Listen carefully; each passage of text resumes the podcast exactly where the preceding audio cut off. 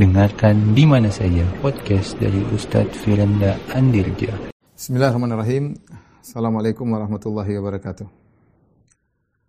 Alhamdulillahi ala ihsani wa syukru lahu ala taufiqihi wa amtinani. Asyhadu an la ilaha illallah wahdahu la syarika lahu ta'ziman li sya'ni wa asyhadu anna Muhammadan abduhu wa rasuluhu da'ila ridwani. Allahumma salli alaihi wa ala alihi wa ashabihi wa ikhwani.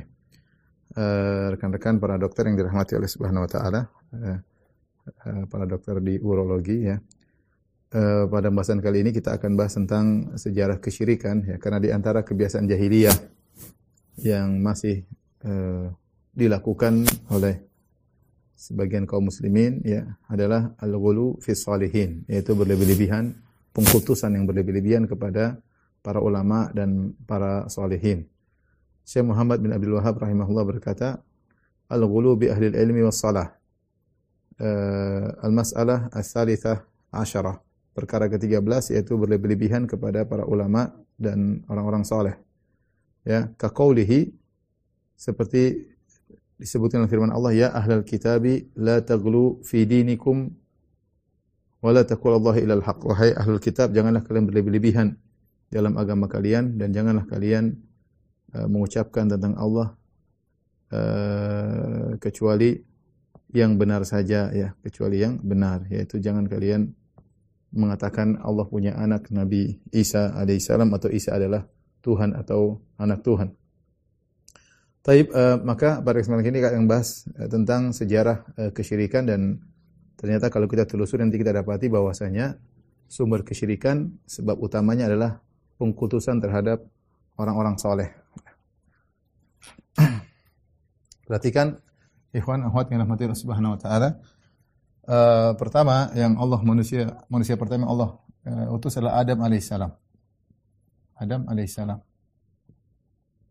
Kemudian eh, Adam beranak pinak ya maka tersebarlah manusia ya eh, sampai akhirnya Allah utus eh, Nabi Nuh alaihissalam Nabi Nuh alaihissalam ketika Adam diutus ya masa antara Adam Nabi Nuh sebagaimana perkataan Ibnu Abbas radhiyallahu anhu bahwasanya kana baina Adam wa Nuh asyrat kurun ada 10 generasi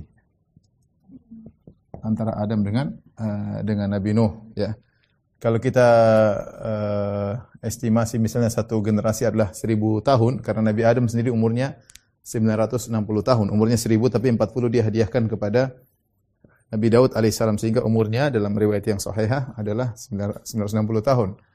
Nabi Nuh alaihissalam uh, umurnya seribu tahun kurang lebih karena Allah berfirman dalam surat Al-Ankabut laqad arsalna nuhan ila qaumihi falabitha fihim alfasanatin illa khamsina aman fa akhadhahum tufan wa hum zalimun. Kata Allah Subhanahu wa taala, sungguh kami telah mengutus Nuh kepada kaumnya dan dia menetap di kaumnya untuk berdakwah 950 tahun.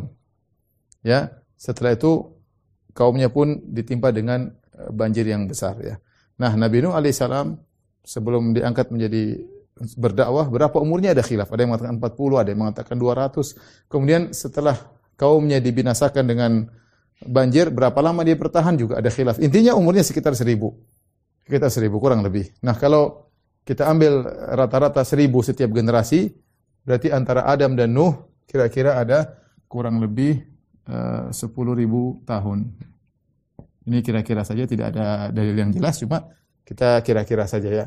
Nah, antara Adam dan Nuh ya, ini ya, tidak pernah terjadi kesyirikan. Tidak terjadi kesyirikan. Hanya kemaksiatan. Hanya kemaksiatan. Ya, Allah Subhanahu wa taala berfirman, "Kana nasu ummatan wahidah." Ya. Manusia dahulu adalah suatu umat yang satu, yaitu di atas tauhid. Kemudian mereka melakukan kesyirikan. Fa ba'atsallahu an-nabiyina mubasysyirin wa muddzirin. Maka Allah kemudian mengutus para nabi uh, untuk beri kabar gembira dan beri peringatan. Tadinya mereka adalah umat yang satu. Wa makana nasu illa ummatan wahidatan fakhtalafu. Ke dalam surat yang lain kata Allah Subhanahu wa taala tidaklah manusia dahulu kecuali umat yang satu di atas tauhid kemudian mereka berselisih yaitu ada yang melakukan kesyirikan. Nah, uh, kemaksiatan sudah terjadi zaman Nabi Adam ya. Contohnya Eh, contohnya Kabil membunuh Habil ya. Kabil membunuh Habil. Adiknya Habil ya. Yang Allah sebutkan dalam surat Al-Maidah kata Allah Subhanahu wa taala, "Watlu alaihim nabana naba abanai Adam bil haqqi id qarraba min ahadihima wa lam yutaqabbal min al-akhar. Qala la aqtulannak." Qala inna ma yataqabbalu Allah minal muttaqin la in basatta yadaka litaqtulani ma ana bi basiti yadiya li aqtulak. Dan seterusnya Allah sebutkan uh, kisahkan bacakanlah kepada mereka tentang kisah dua anak Adam yang ketika mereka menyerahkan korban kepada Allah Subhanahu wa taala maka kurbannya Habil diterima, adapun kurbannya uh, Qabil tidak diterima, Qabil pun hasad, maka dia pun bunuh Habil. Jadi pembunuhan sudah terjadi. Tetapi belum terjadi kemaksiatan. Eh, belum terjadi kesyirikan. Tidak terjadi kesyirikan, yang terjadi hanya kemaksiatan. Contohnya Qabil bunuh Habil. Apakah ada kemaksiatan yang lain? Tentunya ada. Mungkin ada uh, penipuan, mungkin ada perzinahan, mungkin saja. Tetapi kesyirikan belum terjadi. Kesyirikan pertama kali terjadi di zaman Nabi Nuh. Ya, kesyirikan pertama terjadi di zaman Nabi Nuh. Alaihissalam. Jadi selama sekitar 10 ribu tahun, 10 generasi tidak ada kesyirikan. Ketika terjadi kesyirikan, baru Allah mengutus Nabi Nuh sebagai Rasul yang pertama. Ya, Nabi Nuh adalah Rasul yang pertama. Kata dalam hadis uh, yang sahih, ketika di padang mahsyar orang-orang datang kepada Nabi Nuh, mereka berkata, "Ya Nuh, ya Nuh, anta awwalu rusuli ila ahli al-ardi." Wa Allah abdan syakura. Kata mereka, "Ya Nuh, engkau rasul pertama yang Allah utus kepada uh, penghuni bumi. Kenapa? Apa gerangan yang menjadikan Allah mengutus Nabi Nuh? Karena terjadi kesyirikan ketika itu. Jadi kesyirikan di zaman Nabi Nuh. Kesyirikan itu apa? Adalah menyembah selain Allah Subhanahu wa taala. Apa sebabnya? Sebabnya karena pengkultusan terhadap orang-orang soleh. Ya. Sebabnya pengkultusan terhadap orang-orang soleh. Terhadap orang-orang soleh. Allah berfirman dalam surat Nuh kata Allah Subhanahu wa taala ya. Wa makaru makran kubbara. Wa qalu wa qalu la tadharunna alihatakum wala tadharunna waddan wala suwa'an wala yaghutha wa ya'uka wa nasra Kata Allah Subhanahu wa taala, mereka kaum Nabi Nuh melakukan makar yang besar. Mereka melakukan makar yang besar. makar besar. Dan mereka berkata, jangan kalian sekali-sekali meninggalkan la tadarunna, jangan kalian tinggalkan sembahan-sembahan kalian, ya. Jangan tinggalkan sesembahan-sembahan kalian. Tuhan-tuhan kalian. Jangan kalian tinggalkan wat, satu wat, ya. Kemudian suwa, yang kedua namanya suwa. Yang ketiga namanya wala suwan wala yagutha wa ya'uq yaguth yaguth kemudian ya'uq kemudian nasr siapa ini lima orang ini ya wat satu dua suwa tiga yaguth empat ya'uq lima nasr inilah lima sesembahan-sembahan yang disembah selain Allah di zaman Nabi Nuh yang gara-gara ada kesyirikan ini maka Allah utus Rasul yang pertama sebelumnya terjadi kesyirikan, eh, sebelumnya terjadi kemaksiatan, pembunuhan, tapi Allah enggak mengutus Rasul. Ya, ketika urgen sangat urgen terjadi kesyirikan, maka baru Allah mengutus Nabi Nuh alaihissalam. Sebabnya karena pengkultusan terhadap orang-orang soleh ini. Ya. Ibnu Abbas berkata dalam Sahih Bukhari, Kata Ibnu Abbas radhiyallahu taala anhuma, haula'i kata Ibnu Abbas asma'u rijalin isma'u rijalin salihin min qaumi Nuh. Ini lima orang ini adalah nama-nama orang soleh di zaman kaum Nabi Nuh. Jadi uh, mereka ini adalah nama-nama orang soleh di zaman kaum Nabi Nuh. Ya.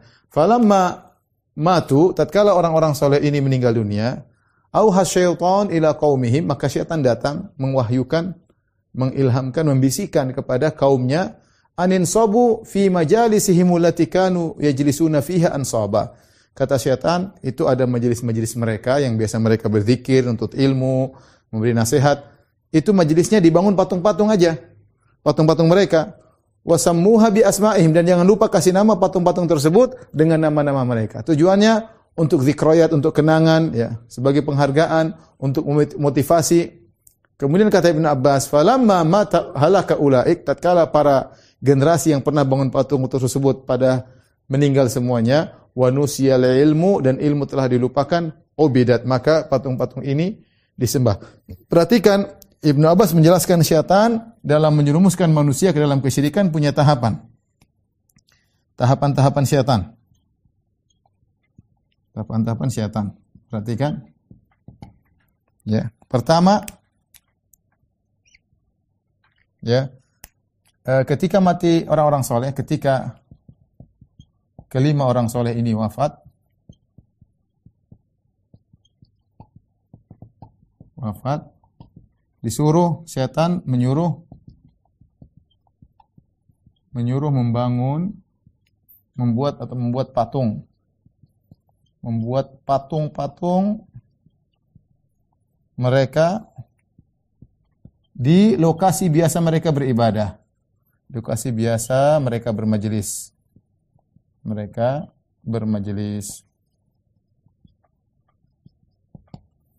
ya jadi pertama setan tidak langsung perhatikan setan tidak langsung menyuruh ibadah menyembah mereka ya perhatikan.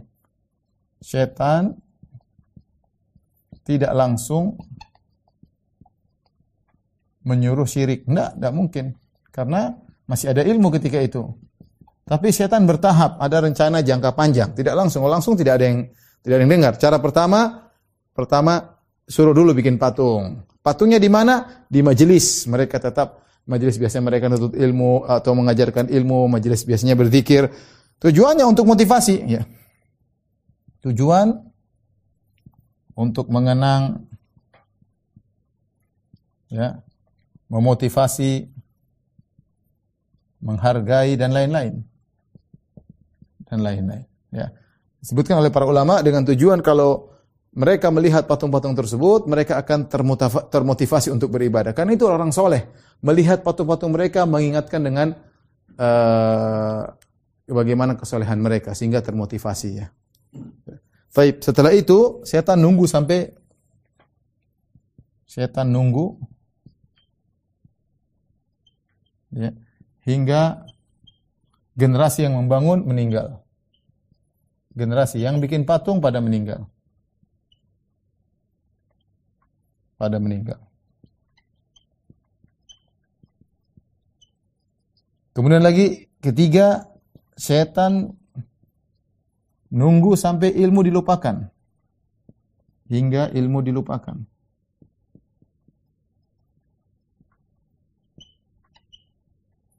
Yang keempat, baru disuruh menyembah. Baru disuruh menyembah.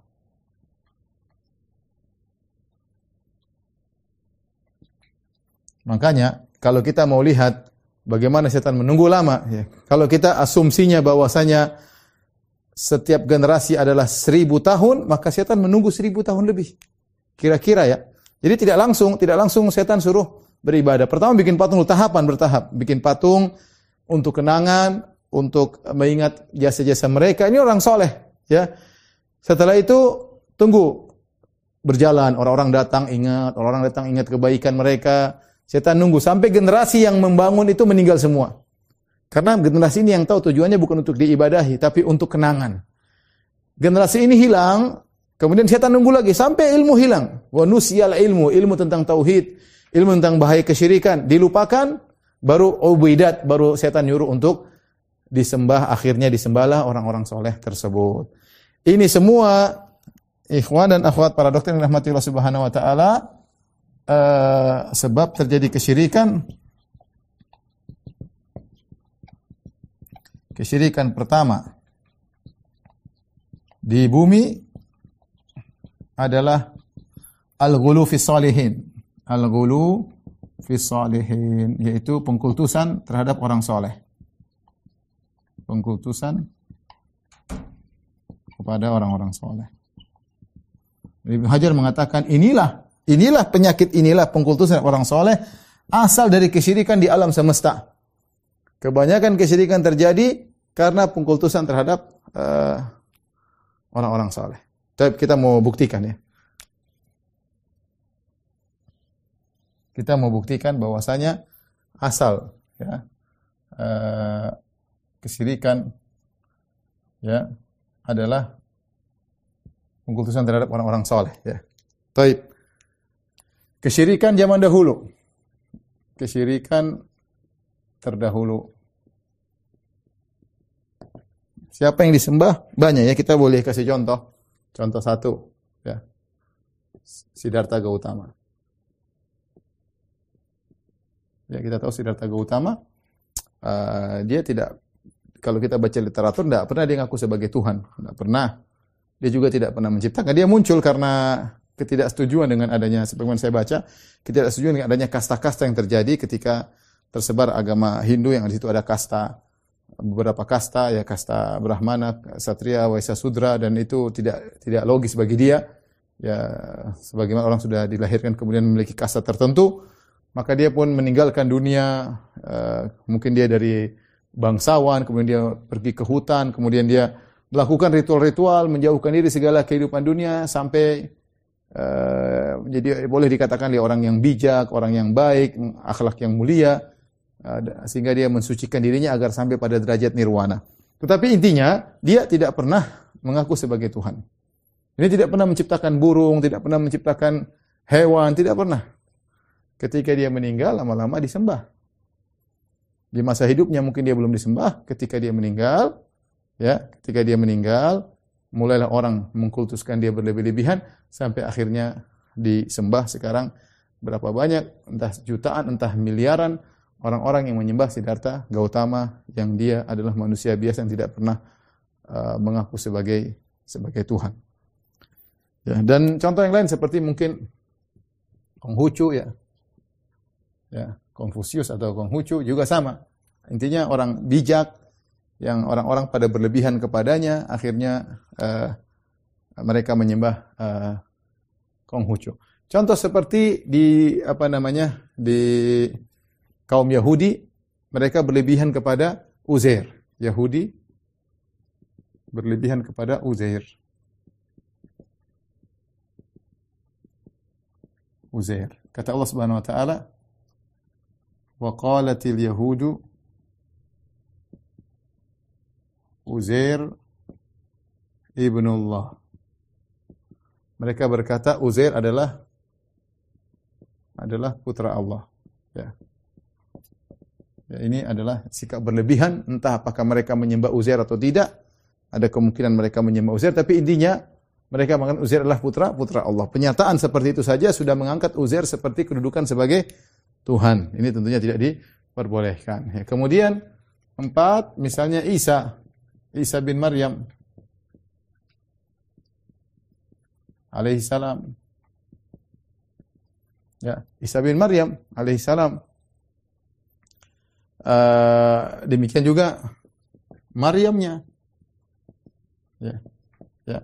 Dua-duanya di diangkat menjadi dikultuskan berlebihan, ya. Makanya uh, apa namanya?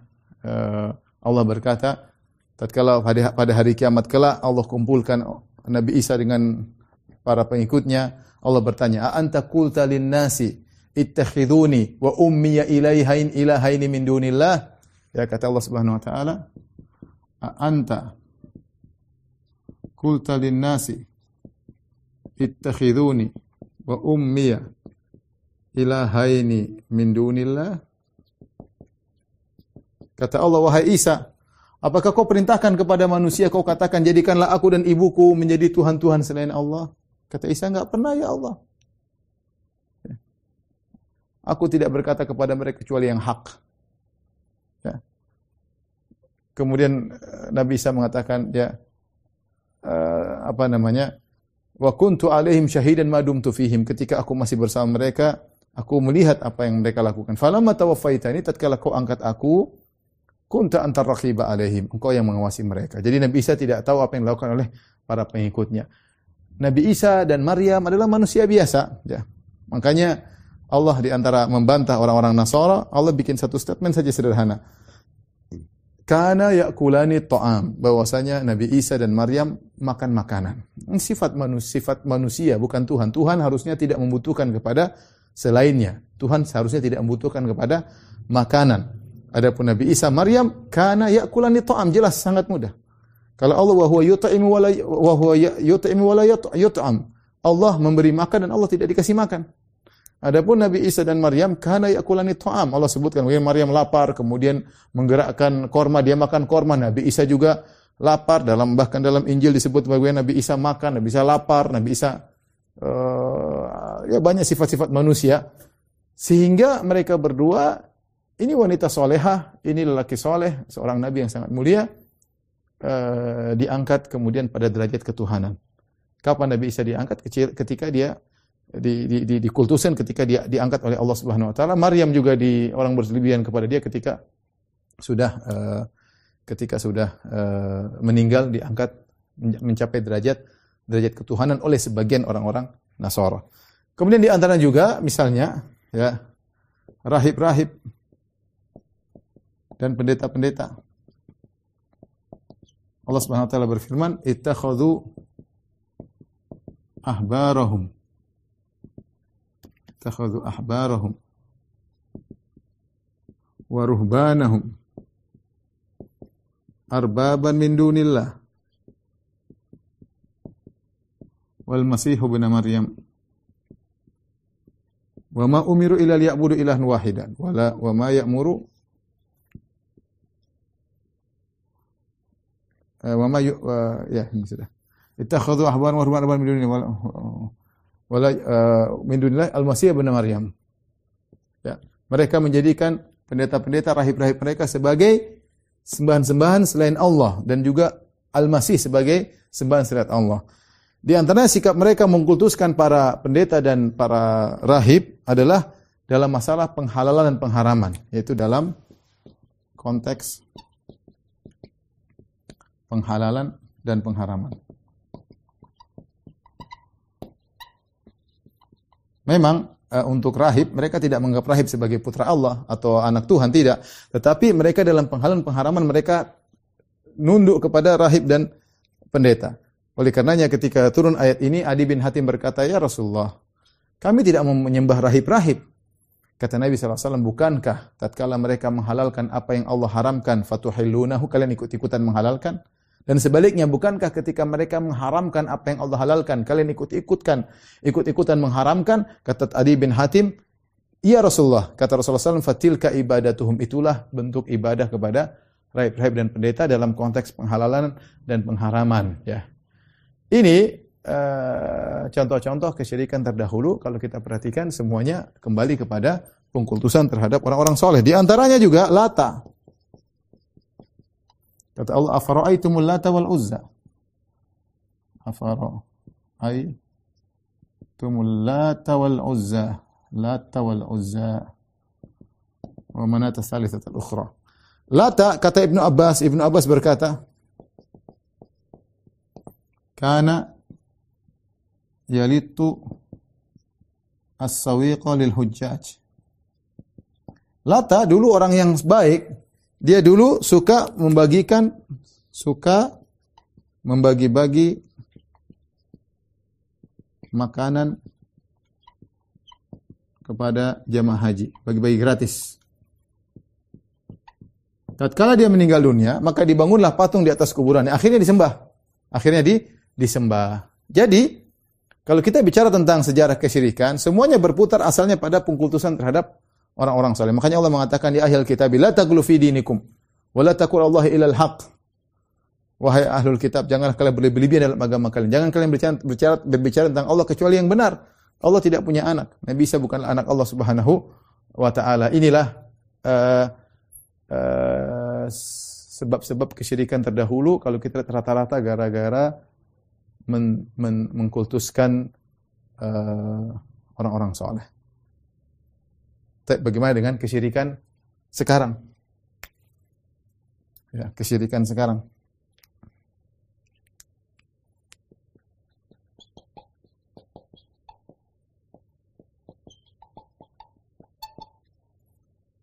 Ya. Sebelumnya ikhwan saya ingin ajak antum berpikir ya. Baik yang menyembah Siddhartha Gautama entah berapa ratus juta. Kalau sampai miliar saya nggak tahu juga. Yang Konghucu juga berapa saya nggak tahu juga ya. Yang menyembah Isa bin Maryam jelas miliaran. Yang menjadikan Maryam sebagai sembahan alam di antara mereka mungkin ada. Yang menuruti rahib-rahib dan pendeta-pendeta dalam menghalalkan mengharamkan juga banyak. Lata mungkin sudah tidak ada, ya, tapi dahulu di zaman Nabi SAW banyaknya. Tapi lihat bagaimana miliaran orang yang mereka terjebak dalam pengkultusan terhadap orang-orang soleh sehingga akhirnya mereka uh, menyembah. Kesyirikan sekarang, ya, kesyirikan sekarang juga tidak jauh beda dengan uh, apa yang uh, kita lihat ya. Di antara mereka seperti orang-orang Rafidhah yang mengkultuskan Ali bin Abi Thalib.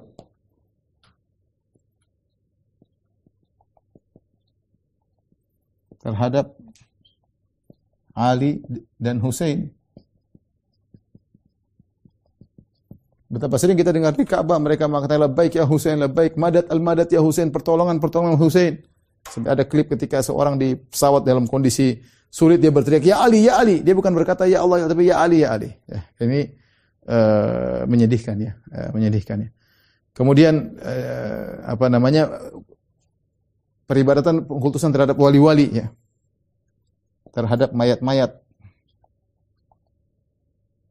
wali-wali yang sudah meninggal. Meninggal. Sudah pernah kita sampaikan dalam pengajian syarah Al-Qawaidul Arba di antara kaidah yang disebutkan oleh Syekh Muhammad bin Wahab di kaidah yang keempat dari Qawaidul Arba beliau mengatakan Syekh Muhammad bin Wahab bahwasanya sebagian orang musyrikin zaman sekarang lebih parah daripada kaum musyrikin di zaman Nabi Shallallahu alaihi wasallam. Dari sisi apa? Satu sisi, dari sisi orang-orang musyrikin zaman dahulu dalam kondisi genting, mereka minta kepada Allah Subhanahu wa taala. Bahkan mereka bertauhid. Wa idza raqibu fil fulki da Allah mukhlishina lahuddin falamma najja minal barri idza hum yusyrikun. Ketika mereka dalam kondisi genting di lautan, ya, maka uh, mereka pun ikhlas berdoa kepada Allah. Falamma najjahum ilal barri tatkala diselamatkan di daratan, idza hum yusyrikun. Mereka syirik kembali. Tapi menjadi perhatian kita, dan ayat ini seperti begini banyak, ada beberapa ayat saya sebutkan dalam syarah Al-Qawaidul Arba. Di antaranya tadi dalam kondisi genting mereka ya meminta kepada Allah. Lihatlah bagaimana Abu Jahal ketika dalam perang Badar. Kepada siapa dia berdoa? Dia berdoa kepada Allah. Allah turunkan firman-Nya, "In tastaftihu faqad ja'akumul fath" dalam surat Al-Anfal. Kalau kalian minta keputusan, maka Allah telah beri keputusan. Lihat dalam buku tafsir bagaimana Abu Jahal ketika dalam perang Badar dia berkata, "Allahumma ayyuna aqta'u rahim wa atana bima lam na'rif fa ahinhul ghadat. Abu Jahal pimpinan orang-orang musyrikin berdoa, "Ya Allah, siapa di antara kami, aku atau Muhammad, yang paling memutuskan silaturahmi, yang datang dengan perkara yang kami tidak kenali sebelumnya, maka hancurkanlah dia hari ini." Dan ternyata Allah mengkabulkan kata Allah intastaftihu kalau kau ingin keputusan maka telah datang keputusan Abu Jahal dibinasakan oleh Allah. Tapi mau saya Abu Jahal dalam kondisi demikian dia minta kepada Allah Subhanahu wa taala. Dan itu kebiasaan orang jahiliyah. Ternyata ada sebagian orang-orang di zaman sekarang yang justru dalam kondisi genting justru melakukan kesyirikan. Saya akan sebutkan empat ulama yang menyebutkan hal ini dari negeri-negeri yang berbeda-beda. Ya. Pertama, Syekh Muhammad bin Abdul Wahab rahimahullahu taala. Dan beliau tinggal di Najd. Kalau kita baca sejarah bagaimana beliau berdakwah, ya, beliau dahulu di kampung beliau ada ada kuburan namanya kuburan Zaid bin Khattab, saudaranya Umar bin Khattab yang kalau tidak salah mati syahid dalam perang Yamamah. Orang-orang dalam kondisi genting mereka pergi ke kuburan minta kepada Zaid bin Khattab. Berbulan-bulan Syekh Muhammad bin Abdul Wahab pergi ke kuburan tersebut sambil berkata Allahu khairun min Zaid. Allah lebih baik daripada Zaid agar mereka berfikir Allah khairun min Zaid, Allah lebih baik daripada Zaid, minta kepada Allah. Tapi mereka tetap minta kepada kuburan Zaid bin Khattab. Makanya saya Wahab menyebutkan tentang bahwasanya sebagian orang-orang di zaman sekarang kesyirikannya lebih parah daripada kesyirikan orang-orang terdahulu. Ini Syekh Muhammad Wahab. Kita berpindah kepada seorang ulama namanya Al-Alusi. Seorang ahli tafsir, punya buku tafsir, dan dia ada Ahlul Bait. Al-Alusi adalah keluarga Ahlul Bait. Habib ya. Dan dia punya buku judulnya Ruhul Ma'ani. Antum bisa baca dan saya nukil juga dalam syarah Al-Qaidul Arba ya insyaallah sebentar lagi terbit ya. Di situ saya sebutkan bagaimana dia tulis dalam tafsirnya bahwa ketika dia masih kecil Ba'dul mutasyayikhah sebagian dai-dai sebagian orang yang disebut syekh bilang sama dia, "Wahai fulan," ketika dia masih kecil, "Kamu kalau dalam kondisi genting, jangan minta sama Allah. Kalau kau langsung minta sama Allah, Allah tidak akan pedulikan engkau. Tapi mintalah kepada wali-wali kalau ingin direct. Kalau kau minta kepada wali-wali, wali-wali akan perhatian kepada engkau dan kau akan diselamatkan. Kata Al-Alusi dan dia adalah Ahlul Bait, saya begitu dengar perkara yang mengerikan. Bagaimana saya diwasiatkan seperti itu? Bayangkan dalam kondisi genting, jangan minta kepada Allah, tidak akan peduli dengan engkau. Suudhan kepada Allah. Kamu siapa mau didengar sama Allah? Supaya didengar, minta lewat wali-wali. Ya. Dan ini ulama Irak. Kemudian dia sebutkan, dan demikianlah sebagian dai-dai sekarang, sebagian syekh-syekh di zaman dia seperti ini pemikirannya. Dia sebutkan dalam tafsirnya. Ya, ingat ya dia lain tempat di Irak. Ternyata dia cerita di Irak juga demi demikian. Contoh lagi perkataan Asy-Syaukani. Al-Imam Syaukani dalam tafsirnya Tafsir uh, Fathul Qadir. Al-Imam Syaukani ulama Yaman. Ulama Yaman. Dia juga membahas dengan pernyataan yang sama. Ketika dia menafsirkan ayat tentang bagaimana orang-orang musyrikin dahulu ketika dalam kondisi terdesak minta kepada Allah dan lupa dengan kesyirikannya, dia mengatakan bahkan sebagian orang sebagian sekarang dalam kondisi genting malah minta kepada mayat-mayat. Dia mengatakan demikian. Bagaimana keyakinan mereka terhadap mayat-mayat menjadikan mereka parah seperti ini? Yang dia mengatakan telah sampai kabar kepadaku tentang seperti ini dengan kabar yang mutawatir. Artinya banyak orang-orang melakukan demikian kata Syaukani. Dan Syaukani itu ulama Yaman. Dia bercerita tentang kondisi penduduk di Yaman. Yang terakhir adalah uh, Muhammad Amin Al-Shinkiti dalam yang memiliki buku Tafsir Adwaul Bayan dari Mauritania. Dia juga menyampaikan yang sama bahwasanya ada sebagian orang zaman sekarang justru dalam kondisi genting justru minta-minta kepada wali-wali bahkan tidak minta kepada Allah. Ini ulama dari empat tempat yang berbeda. Muhammad bin Abdul Wahab dari Najd, Saudi. Uh, Al-Alusi dari Irak, Syaukani dari Yaman, uh, Muhammad Amin Shinkiti dari Mauritania. Tapi mereka semua sepakat sepakat bahwasanya ya bahwasanya ada sekelompok orang yang mereka dalam kondisi genting justru minta-minta kepada selain Allah ya menganggap wali-wali sebagai tempat pertolongan mereka dan mereka terjerumus dalam kesyirikan gara-gara pengkultusan terhadap orang-orang yang orang-orang yang saleh. Maka sebab utama terjadi kesyirikan adalah pengkultusan. Tapi saya akan bacakan suatu uh, uh, klip video yang bagus saya dapat tentang uh, bagaimana uh, orang-orang yang disembah di zaman sekarang ya. Antum nanti tolong dengarkan dan uh, ini saya ini saya dapat dalam satu klip, saya ringkaskan ya. Saya bacakan ya, orang-orang zaman sekarang yang disembah sama orang-orang gara-gara gara-gara uh, pengkultusan. Eh, sekarang ini kita juga dapat menyaksikan bahwa sikap tersebut yaitu mengangkat manusia biasa kepada derajat yang disembah juga masih berlaku. Berikut beberapa individu zaman modern yang telah dijadikan sembahan oleh sebagian manusia. Ini ada videonya ya. Mudah-mudahan nanti di-share eh, di-share sama uh, Windu kameramen saya di di Facebook nanti bisa dilihat ya. Pertama yang disembah di zaman sekarang Mahatma Gandhi.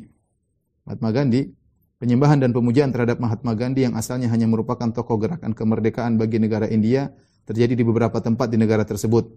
Di antaranya seperti di Odisha, salah satu bagian, salah satu negara bagian di India.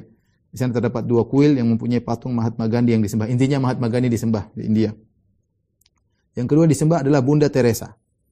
Bunda Teresa merupakan seorang biarawati Katolik yang terkenal dengan kegiatan-kegiatan sosial dan kemanusiaannya di India sejak awal kemerdekaan negara tersebut.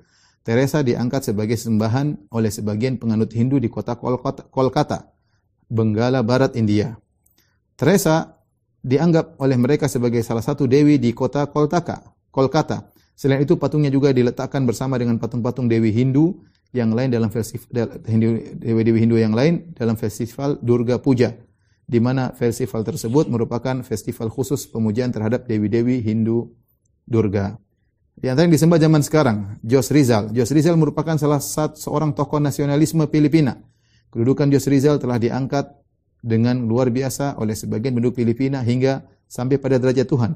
Golongan yang fanatik dengan Jos Rizal ini telah mewujudkan gerakan agama baru yang dinamakan dengan Rizalista dengan menggabungkan elemen-elemen agama Kristen Katolik dengan kepercayaan-kepercayaan mereka terhadap Jos Rizal. Pada hari ini, sistem kepercayaan Rizalista ini bertebaran di seluruh Filipina dan penganutnya mempunyai gereja-gereja tersendiri. Yang di antaranya ada yang disembah masih hidup seperti Narendra Narendra Modi, Perdana Menteri India. Ada juga yang buat patungnya kemudian uh, disembah ya. Kemudian di antaranya Haile Selassie. Haile Selassie merupakan seorang raja dari negara Ethiopia yang diangkat dan dipuja menjadi Tuhan oleh orang berkulit hitam di Jamaika. Ini mungkin Tuhan berkulit hitam. Golongan yang menyembah adalah penganut Rastafari yang memimpin memimpikan pembebasan dari belenggu penindasan orang kulit putih. Ini juga uh, disembah ya. Tapi uh, sekarang kita akan bahas tentang bagaimana usaha Nabi SAW untuk mencegah pintu-pintu pengkultusan ini agar tidak terjadi kesyirikan. Uh, Taib, uh, Ikhwan Akhwat yang Itu ada anunya? Belum saya kirim sebentar ya, nanti biar di dimasukkan ke komentar Facebook ya sebentar. Sampai Diego Diego Maradona juga disembah ada patungnya. Amita bacaan ada beberapa orang ya. Nanti bisa antum lihat ada di share insya Allah ada videonya bisa dilihat ya bagaimana ternyata pengkultusan terhadap orang-orang yang dianggap baik itu akhirnya disembah itu masih terjadi sampai uh, zaman sekarang. Kalau dari dunia Islam rata-rata penyembahan terhadap wali-wali yang sudah uh, meninggal dunia ya. Baik, sekarang kita uh, bicara tentang bagaimana usaha Nabi menutup celah-celah ini. Ya.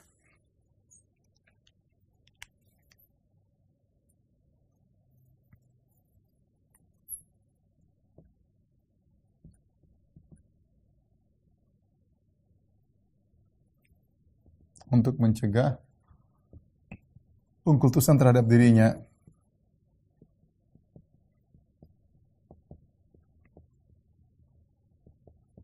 Banyak usaha Nabi SAW, di antaranya Nabi melarang uh, Nabi melarang wasallam melarang dia dipuji berlebih-lebihan, dipuji berlebih-lebihan. Berlebihan. Kata Nabi SAW, La tutruni. Rasulullah SAW bersabda, La tutruni kama atratin nasara ibnu Maryam. Innama ana abdun faqulu Abdullahi wa rasuluh. Kata Nabi SAW, janganlah kalian berlebih-lebihan dalam memujiku, sebagaimana orang-orang Nasara berlebih-lebihan dalam memuji Ibnu Maryam. Ya, Jangan kalian berlebih-lebihan kepada aku sebagaimana Nasara berlebihan terhadap Isa bin Maryam. Innama ana abdun. Aku hanya seorang hamba. Fakulu Abdullahi wa Rasul. Katakanlah hamba Allah Rasul. Makanya sebagian orang memuji Nabi, Nabi tegur. Contoh, di zaman Nabi ada yang berkata, Wa fina nabiyun ya'lamu ma fil. Di antara kami ada nabi yang tahu tentang terjadi apa yang terjadi besok hari. Nabi tegur, nah boleh mengucapkan demikian. Nabi tegur ya. Ini kaidah, Nabi tegur. Di zaman sekarang ada seperti syair yang kita bilang berlebih-lebihan, khawatir menunjukkan pada kesyirikan dan yang lain, tapi sebaiknya dijauhi. Seperti perkataan Al-Busiri atau dalam sebuah syair dia berkata, uh, wa inna min judika ad-dunya wa dharrataha. Ya. Sungguhnya di antara kedermawananmu adalah dunia dan akhirat. Ini dikritik oleh para ulama perkataan ini. Bagaimana dunia akhirat dari kedermawanan Nabi, ya. Ya mungkin kalau orang mau takwil, takwil oh, maksudnya begini, maksudnya begitu. Tapi zahirnya ini tidak benar zahirnya. Ya, di antara kedermawanan Anda wahai Rasulullah adalah dunia dan akhirat. Nah, kalau dunia akhirat dari Nabi yang dari Allah yang mana? Wa min ulumika ilmal qaul qaul ilmal uh, apa namanya lauhi wal qalami dan di antara ilmumu adalah ilmu lauhil mahfuz. Kalau Nabi tidak tahu ilmu gaib ya. Nabi tidak tahu lauhil mahfuz kecuali yang dikabarkan oleh Allah itu pun hanya sedikit hanya sebagian. Ya, Nabi asalnya tidak tahu ya. Tapi Allah mengatakan Walau kuntu alamul ghaib lastakthartu minal khair. Katakanlah wahai Rasulullah, kalau aku tahu ilmu gaib, aku akan berbanyak uh, berbuat kebaikan. Wa ma masaniya su dan aku tidak akan ditimpa dengan uh, kemudaratan. Ya, dan seluruh nabi tidak tahu ilmu ilmu gaib. Dari Nabi Nuh ketika kaumnya menyuruh dia untuk mengaku ilmu gaib, kata Nabi Nuh, "Wala a'lamul ghaib." Aku tidak tahu ilmu gaib. Ilmu gaib hanyalah hak Allah Subhanahu wa taala. Maka Nabi uh, melarang dirinya di berlebih-lebihan uh, untuk di, dipuji. Tadi kita sebutkan di antaranya Nabi menegur orang yang menyatakan beliau tahu apa yang terjadi besok. Nabi tegur. Di antaranya Nabi menegur orang-orang yang mengatakan Masya Allah wa syi'ta. Nabi SAW menegur orang yang menyatakan Masya Allah wa syi'ta. Artinya atas kehendakmu dan ke, atas kehendak Allah dan kehendakmu, atas kehendak Allah dan kehendakmu. kehendakmu Nabi. Kata Nabi SAW, Atajallahi niddan? Nabi berkata, Ataja'alu lillahi niddan? Apakah engkau menjadikan aku tandingan bagi Allah? Jadikan aku tandingan bagi Allah?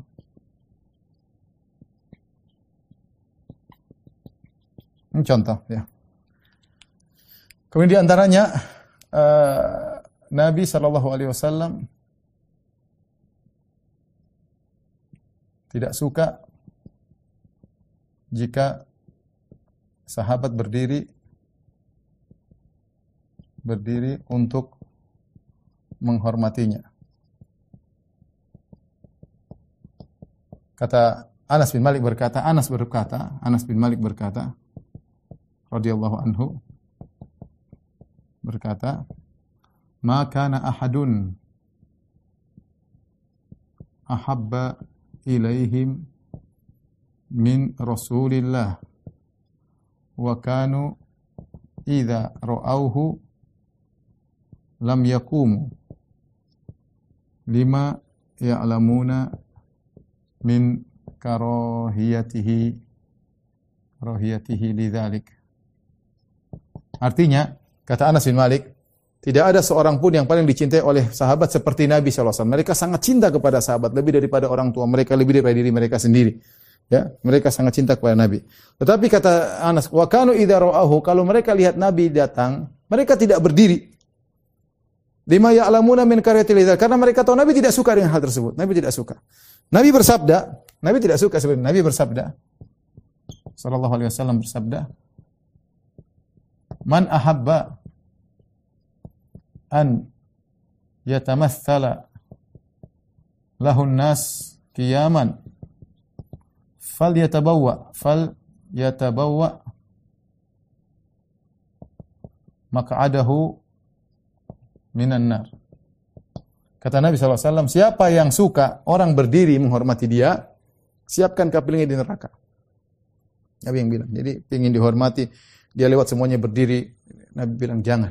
Nabi tidak suka. Siapkan kaplingnya di neraka. Makanya Nabi tidak suka kalau dia datang orang berdiri menyambutnya. Beda kalau orang datang untuk menyalami, tapi kalau berdiri kemudian lewat gitu Nabi tidak tidak suka. Makanya di antara kesalahan praktek di zaman sekarang ketika sebagian saudara-saudara kita melakukan praktek maulid dan ini diingatkan oleh Syaukani dalam kitabnya Risalah fil Maulid. Risalah fi hukmil maulid. Imam Syaukani ma'ruf orang Yaman semua tahu tentang bagaimana Syaukani penulis Nil Autar dan ahlul hadis, penulis tafsir, Fathul Qadir ya, uh, dan banyak buku-bukunya ya. Dia mengatakan di antara kesalahan orang-orang yang melaksanakan maulid meyakini Nabi hadir dalam acara mereka. Ya, Nabi hadir dalam acara mereka. Dan Nabi tidak keluar dari kuburan kecuali hari kiamat. Ya. Nabi tidak pernah keluar dari kuburan ketemu Abu Bakar. Nabi tidak pernah keluar dari kuburan ketemu dengan Umar tidak pernah keluar kuburan ketemu dengan istri-istri yang dia cintai, tidak pernah keluar kuburan ketemu Fatimah. Kemudian orang-orang sekarang meyakini Nabi keluar ikut acara Maulid. Taib, ini salah satu kesalahan. Kesalahan kedua, mereka berdiri menganggap Nabi datang, kemudian mereka baca tola al-badaru alaina min thaniyatil wada. Nabi saja ketika masih hidup tidak suka digitukan. Ya. Nabi ketika itu tidak suka digitukan. Ya. Bagaimana kemudian sudah meninggal meninggal dunia. Dianggap datang dan Nabi tidak suka ya. Kita cinta sama Nabi, tapi kita harus ikut aturan Nabi Shallallahu Alaihi Wasallam. Kita tidak bisa mengekspresikan cinta kita kepada Nabi dengan sekehendak kita. Para sahabat menimbang, Mereka sangat cinta. Lihat Anas mengatakan, kami sangat cinta kepada Nabi. Tapi untuk mengekspresikan mereka lihat dulu. Nabi tidak suka kalau dia datang kepada orang berdiri, Nabi tidak suka. Maka ikutilah ya cara Nabi. Ini dalam rangka apa? Menghindari adanya pengkultusan. Demikian juga ya. Uh, di antaranya Nabi Shallallahu Alaihi Wasallam menegur Nabi SAW menegur sebagian sahabat yang memuji memuji Nabi di hadapan Nabi di hadapan Nabi di hadapan Nabi Shallallahu Alaihi Wasallam. Jadi ada sebagian sahabat uh, utusan datang kepada Nabi SAW kemudian mereka berkata, ya, ya Rasulullah anta sayyiduna anta sayyiduna. Mereka juga berkata, anta afdalu minna. Afdaluna anta afdaluna afdaluna wa wa a'zamuna taulan. Kata mereka, Ya Rasulullah, engkau sayyid kami, pimpinan kami. Engkau adalah yang terbaik dan paling agung di antara kami eh, berbuat kebaikan. Maka Rasulullah SAW mengatakan, Kulu bi qawlikum o bi ba'di qawlikum. Kata, Nabi berkata, Nabi mengomentari, kata Nabi SAW, As-Sayyid huwa Allah. Sayyid itu adalah Allah Subhanahu wa taala. Kulu bi qawlikum ba'di qawlikum wa la yastahyan la syaitan yastah Wiyannakum syaitan. Kata Nabi jangan sampai kalian digelincirkan oleh syaitan. Nabi padahal sayyid, Nabi sayyid, Nabi adalah sayyid, tidak kita ragu, tidak ragu Nabi adalah sayyid. Apalagi Nabi berkata, "Ana sayyidu waladi Adam yaumal qiyamati wala fakhr." Aku adalah pemimpin seluruh anak Adam pada hari kiamat dan tidak ada kesombongan bagiku. Tetapi ketika ada gejala-gejala ini sebagian orang memuji Nabi berlebih-lebihan, maka Nabi tegur jangan sampai mereka berlebih-lebihan. Nabi mengatakan, As-Sayyid huwa Allah. Yang Sayyid adalah Allah. Ya. jangan sampai kau berlebihan. Ya, karena mereka kelihatan engkau adalah Sayyid kami, engkau yang terbaik, engkau engkau engkau. Maka Nabi mengatakan, la yastahwiyanakum syaitan. Jangan sampai kalian tergelincirkan oleh oleh syaitan. Ini di antara Nabi menutup celah jangan sampai uh, orang-orang berlebih-lebihan memuji Nabi akhirnya mengkultuskan sebagaimana orang-orang Nasara berlebih-lebihan kepada Nabi sallallahu alaihi wasallam. Baik, berikutnya uh, Nabi berwasiat tentang kuburan beliau. Karena kita tahu tadi uh, banyak kesyirikan terjadi karena pengkultusan terhadap orang-orang soleh, terutama setelah mereka meninggal dunia.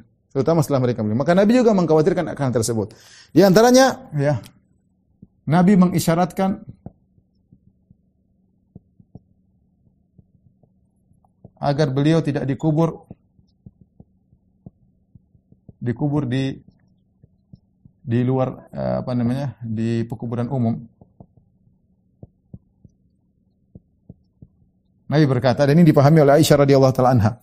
Lihat dalam Fathul Bari eh, Ibnu Ibnu Hajar juga menafsirkan perkataan Aisyah demikian. Nabi mengatakan sebelum meninggal dunia kata Nabi laknatullah alal yahudi wan nasara ittakhadhu kubura anbiya'ihim masajid. Yuhadziru masona'u. Kata Nabi, Allah melaknat Yahudi Nasrani, mereka menjadikan kuburan nabi-nabi mereka sebagai masjid tempat ibadah. Maka Aisyah berkata, Aisyah berkata, Aisyah berkata, walaula dzalik la ubriza qabruhu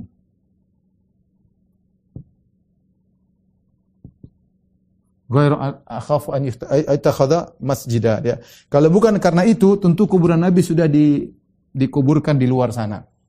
Tidak dalam rumahnya. Khawatir kalau dikubur luar orang akan menjadikan dia. Aisyah memahami perkataan Nabi. Di antara sebab Nabi dikubur di rumahnya ada dua sebab. Pertama, khawatir terjadi pengkultusan terhadap kuburan Nabi. Yang kedua, karena memang Nabi dikuburkan di mana tempat dia meninggal dunia ya. Di antaranya ini wasiat Nabi pertama. Yang kedua, Ya. Nabi melarang melarang kuburannya dijadikan id. Dijadikan id. La taj'alu qabri idan. Jangan kau jadikan kuburan kuburanku sebagai id. Itu sesuatu yang datang berulang-ulang. Id itu sesuatu yang berulang-ulang. Id. Ya. Id adalah sesuatu yang berulang-ulang tiap tahun. Kemudian bikin acara khusus di kuburan Nabi. Nabi makanya dia mengatakan, Sallu wa sallimu alayya fa inna salatakum wa taslimakum yabluguni haitsu kuntum. Kata Nabi, kalau kalian ingin beri salawat kepadaku, ingin beri salam kepadaku, di mana pun kalian berada akan sampai kepadaku. Tidak harus datang ke kuburanku. Ya. Kenapa tidak lain khawatir dikultuskan? Ya. Kita dianjurkan kalau sudah di Madinah kita ziarah ke kuburan Nabi Shallallahu Alaihi Wasallam. Tapi berulang-ulang terus-terusan Nabi tidak Nabi tidak menganjurkan bahkan Nabi melarang. Oleh karena para sahabat mereka tinggal di Madinah mereka tidak tiap hari pergi ke kuburan Nabi. Ya. Mereka kalau mau safar baru ke kuburan Nabi atau pulang dari safar mereka ke kuburan Nabi. Bukan tiap hari ke situ. Ya. Kenapa? Khawatir ada pengkultusan. Ya. Oleh karenanya lihat bagaimana Imam Nawawi rahimahullah menegur Kata Imam Nawawi jangan terpedaya dengan sebagian orang yang mengusap-ngusap badan mereka ke kuburan Nabi sallallahu alaihi wasallam. Ya, meskipun banyak orang yang melakukannya. Jangan ya, karena ada pengkultusan. Di antara juga Nabi berdoa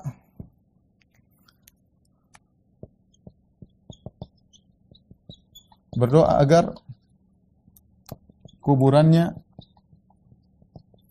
tidak jadi berhala yang disembah.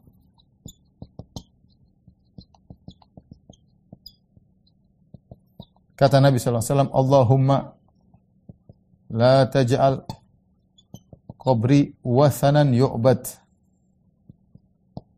Ya Allah jangan kau jadikan kuburanku berhala yang disembah.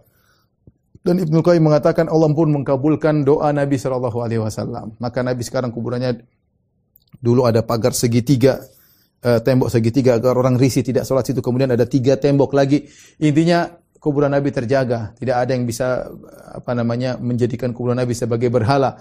Ada petugas-petugas sana yang menegur. Sambil ada minta-minta kepada Nabi ditegur ya.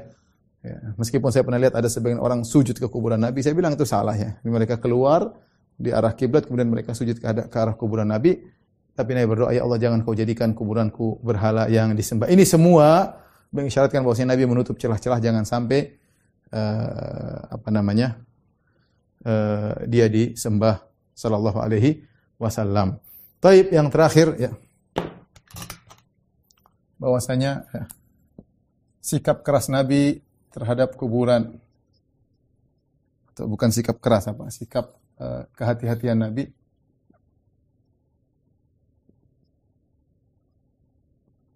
terhadap kuburan.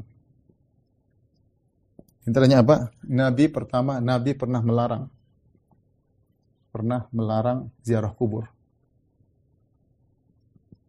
Ketika di awal Islam, ziarah kubur di awal Islam. Khawatir apa? Khawatir ada orang yang menyembah kuburan. Kata Nabi SAW, Kuntu nahaitukum an ziarati kubur. Kuntu nahaitukum an ziaratul kubur. Ziaratul kubur. Al-ana fazuruha. Al-ana fazuruha. Fazuruha. Taib, kalau Nabi pernah melarang berarti ini sebab. Nabi pernah melarang, Allah menyebutkan ini di awal Islam karena orang baru masuk Islam khawatir kembali pada pengkultusan terhadap mayat-mayat. Ketika Nabi pernah melarang berarti ini bukan sebab yang main-main. Sebab yang bisa kenapa Nabi tegas terhadap masalah kuburannya.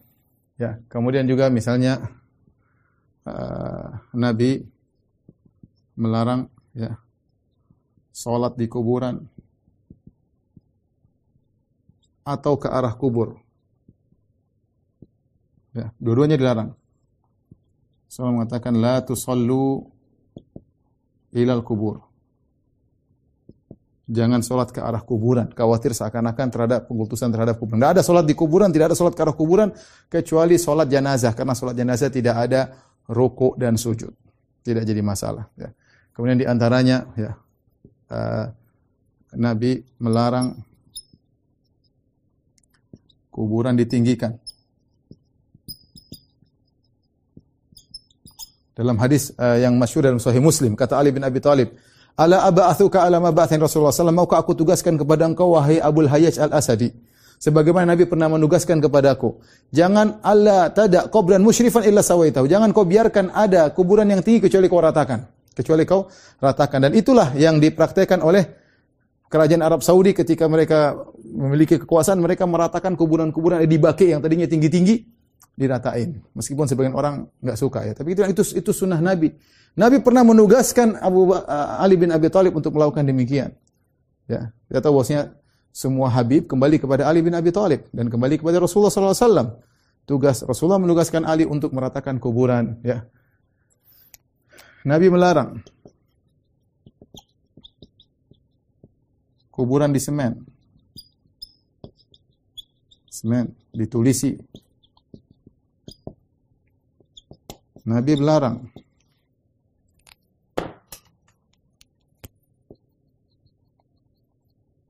Kuburan diterang, diberi penerangan.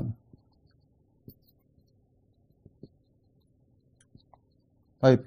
Ini semua ikhwan, coba antum perhatikan. Ini larangan, tidak boleh ditulis, nggak boleh dikasih semen, nggak boleh ditinggikan, nggak boleh dikasih penerangan. Ini semua agar tidak ada pengkultusan. Jelas sekali agar tidak ada pengkultusan.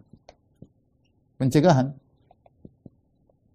Di antaranya tidak pengkultusan. Sekarang ini semua dilanggar, semua dilanggar. Ya, orang dilarang salat kuburan, salat di kuburan. Bahkan ada yang bikin kuburan besar, bahkan orang lebih khusyuk salat di kuburan, ya. Uh, bahkan ada sebagian kuburan masuk kuburan tahiyatul kuburan. Macam-macam orang. Disuruh jangan ditinggikan, ditinggikan besar-besar, dikasih kelambu, dikasih dupa-dupa, dikasih. Maka Imam Syaukani dalam kitabnya Syarhus Sudur dia bilang bayangkan seorang masuk ke sebuah areal pengkuburan, dilihat kuburan tersebut tinggi, dikasih kelambu, dikasih dupa-dupa, dikasih orang banyak di situ, ada yang baca Quran macam-macam. Orang akhirnya bisa tergerak, ini jangan-jangan ini kuburan bisa gini, bisa gini, bisa gini. Setan masuk dalam hatinya sehingga dia akhirnya punya keyakinan terhadap mayat. Dan itu yang terjadi. Betapa banyak orang akhirnya minta-minta kepada uh, kuburan ya. Makanya bahkan sebagian orang kuburan lebih ramai daripada masjid. Saya bicara nyata ini, saya punya kawan bapaknya bikin masjid, masjidnya sepi. Akhirnya ada sebagian orang kasih ide, Pak kalau pingin masjidnya ramai, pindahin kuburan Habib di sini, biar ramai. Karena sebagian orang memang mencari kuburan, mereka mengagungkan Habib karena orang mulia, orang soleh, tapi bukan begitu caranya. Kemudian akhirnya dia orang lebih senang ke kuburan daripada ke masjid. Orang bisa di kuburan berdoa nangis-nangis sementara di masjid tidak. Orang bisa khusyuk ibadah di kuburan sementara di masjid tidak. Ini salah. Kuburan menjadi saingan bagi bagi masjid-masjid Allah Subhanahu wa taala. Ini semua ikhwan akhwat yang dirahmati Allah Subhanahu wa taala di antara sebab utama terjadi kesyirikan adalah al-ghulu fi salihin berlebih-lebihan terhadap orang saleh. Allah alam bisawab. Demikian apa yang disampaikan kurang bisa mohon maaf. Wabillahi taufiq wal hidayah. Assalamualaikum warahmatullahi wabarakatuh. Ayo, segera download Quran Tadabbur, tafsir dalam genggaman Anda.